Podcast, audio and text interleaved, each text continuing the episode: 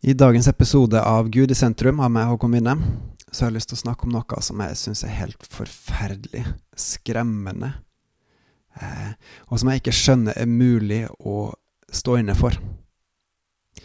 I delstaten New York så har de nettopp bestemt at abort skal være tillatt til og med fødsel. Til og med fødselen har starta.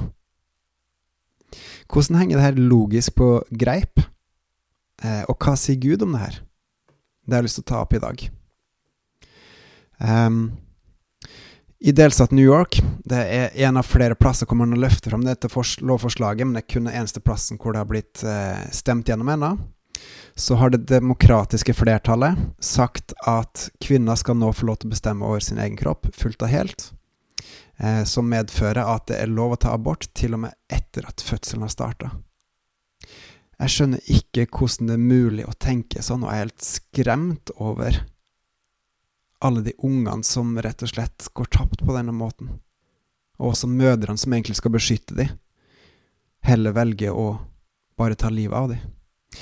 Eh, jeg spør meg sjøl hva er forskjellen på et menneske ti sekunder før man når åpninga, og ti sekunder etterpå? Eller hva er forskjellen på fem dager før eller etter at man blir født. Fem uker, fem måneder. Et liv er et liv, er det ikke det? Det er en del uenighet blant mennesker om når et liv starter, men nesten alle er i hvert fall helt enige om at det skjer ikke noe magisk idet ungen kommer ut av mora. Så nå begynner ungen sitt liv. Noen mener at det har med når ungen klarer seg sjøl, men da kan jeg jo legge til at sjøl min to år gamle sønn klarer seg ikke alene nå. Så det kan ikke være det. Et av hovedargumentene er at kvinner må få lov til å bestemme over egen kropp. Men hva da med barnet? Barnets kropp? Har ikke det noe du skulle ha sagt? Eh, hvem skal snakke for barna? For disse ungene som aldri får lov til å leve, vokse opp, til å bli beskytta av mor si, til å bli oppfostra, til å bli oppdratt, til å, å, bli tatt vare på, sånn at man kan vokse opp til å bli fullmodne mennesker, til å klare å stå på egne bein som voksne. Ja, det finnes en del tilfeller hvor unge ikke får de støttene de trenger, men det gjelder jo i livets alle ulike aldre. Og vi kan ikke bare ta livet av noen fordi at de ikke får nok støtte. Spør du meg, så er barnet i magen også et liv. For det er det samme mennesket som har vært inni magen, som kommer ut. Og det er helt forferdelig å tenke på alle de ungene vi har tatt livet av. At vi ikke beskytter de og hjelper de, men at vi setter kvinnens behov foran livet til ungen. Bare fordi det er inni magen. Det må jo kunne gå an å ta vare på begge to, og beskytte livet til begge to så godt det lar seg gjøre. Ehm, etter, etter den eh, New York-vedtaket så har jeg lest litt om abortmetoder. Det kan jeg ikke anbefale. Eh, når jeg har sittet og lest på det, så har jeg sittet og vridd seg inni meg. Jeg har ikke klart å sitte i ro, og jeg har bare sånn halvveis sett for meg hvor forferdelig det er, hvor smertefullt det er, eh, hvor destruktivt og ødeleggende det er. Jeg har ikke tenkt å gå inn i detaljer, men i hvert fall én av de måtene handler om å levende partere de. Eh, altså bruke en tortur, torturmetode som har vært forbudt i lang, lang tid. Hvordan kan vi tillate her, vi som er så humane og så opptatt av å beskytte de svakeste? Per dags dato så er det vel kanskje nettopp disse ungene som er det svakeste i samfunnet vårt her i en vestlig verden alle disse fostrene som vi så lett kvitter oss med. Alle disse ungene. Um, som kristne så baserer vi troa livene våre på det uh, som Gud sier. Han er skaperen av alt, og han er kilden til alt liv. Uh, det står i første Mosebok at Gud skapte oss i sitt bilde. Han pusta livsåndig i Adam, og først da ble kroppen til Adam levende. Det står i Salme 139 at Gud forma meg i mors liv, og da jeg ennå bare var et foster, så dine øyne meg, og i din bok ble de alle oppskrevet i dagene som ble fastsatt da ikke en av dem har kommet. Som altså viser at et foster er et menneske. Gud sier at Gud har skapt både meg jobb og alle andre i mors liv. Og Bibelen sier generelt at Gud gjør ikke forskjell på folk, og han har et spesielt øye for de svake, fattige, lamme, blinde, nedbrutte, undertrykte og de fremmede.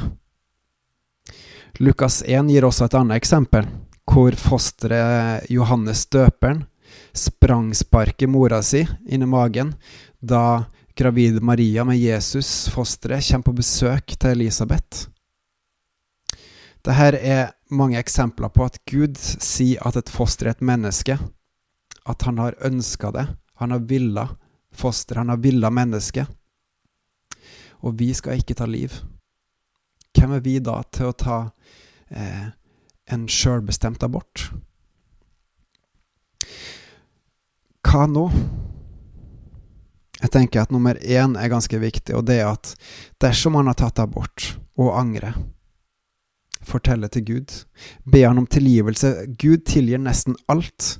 Og han ser etter hjertet og tilgir de som omvender seg til han, som kommer til han og ber om tilgivelse, og vil ta imot mot hans nåde gjennom Jesus. Så kom til Gud, bøy deg for han, og be om tilgivelse, og han vil gi deg det. Og et bitte lite tillegg, jeg vet ikke om det er sant, for det har jeg ingen mulighet til å sjekke, men jeg har hørt at en kristen mann med navn Terry McAlmon forteller om et himmelsyn en gang. Og der, i det himmelsynet, så så han deriblant tusenvis på tusenvis av ufødte babyer, som sammen med alle de andre lovpriste Gud. Jeg håper virkelig at det er sant. Nummer to. Vi har ansvaret for de svake. Det ansvaret har Gud gitt oss. Vi må derfor ta ansvar og beskytte dem. Kjemp for dem. Tal dem ungene sin sak. Det går an å melde seg inn eh, som aktiv eller passiv medlem i organisasjoner som, for, eh, som kjemper for det her, som f.eks. menneskeverd, og gjennom det gi de tyngde ved å være mange og sterk. Vi kan også snakke med likesinnede om temaet, slik at ikke motstanderens argumenter sniker seg inn og spiser stadig flere av oss fordi at vi ikke tenker oss gjennom og tenker gjennom når et liv starter, og hvem som er de svakeste. Vi kan også velge å ikke tie når temaet dukker opp rundt et eh, bord, og heller faktisk velge å lide litt for de ufødte. Sånn at den tause i majoriteten ikke bare hører argumenter fra motstanderne og blir passivt abortforkjempere, men at de også hører argumentene for ja til livet. Og at de kan også få innspill der og faktisk skjønne at abort er ikke greit. Og så går det også an å bruke ulike medier for å fremme livet til disse barna, eksempel. Og oppi alt dette så tror jeg det også er greit å si at vi skal faktisk agape-elske våre motstandere også. Også når vi er riv røskende uenige og oppbrakt, sjokkert over det de sier og står for, så skal vi behandle hverandre med respekt. Vi skal være eh, saksfokusert og ikke ta person. Og det er helt greit å bli sint, men vi skal ikke synde. Nummer tre.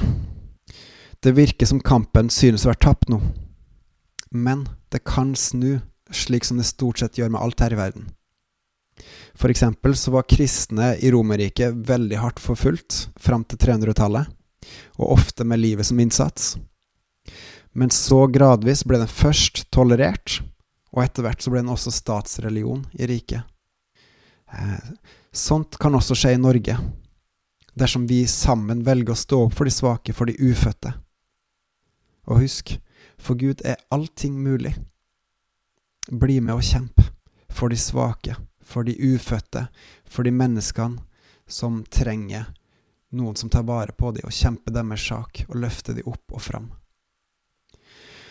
Dagens utfordring den er hvordan kan du i en eller annen form begynne å løfte opp disse svake barna? Et lite innspill der vil være da å begynne i det små, f.eks. å snakke med, sammen med noen som du er trygg på, og eller eller som også er for ja til livet. Begynn i det små. Bibelsverset som jeg har lyst til å løfte fram i dag, er første Mosebok, eh, kapittel 1, vers 26, og noen vers etterpå. Les gjerne det, og tenk over at vi faktisk er skapt i Guds bilde, med en hensikt, fordi Gud ville det. Si ja til livet og vær med å kjempe for det. For alle. På gjensyn.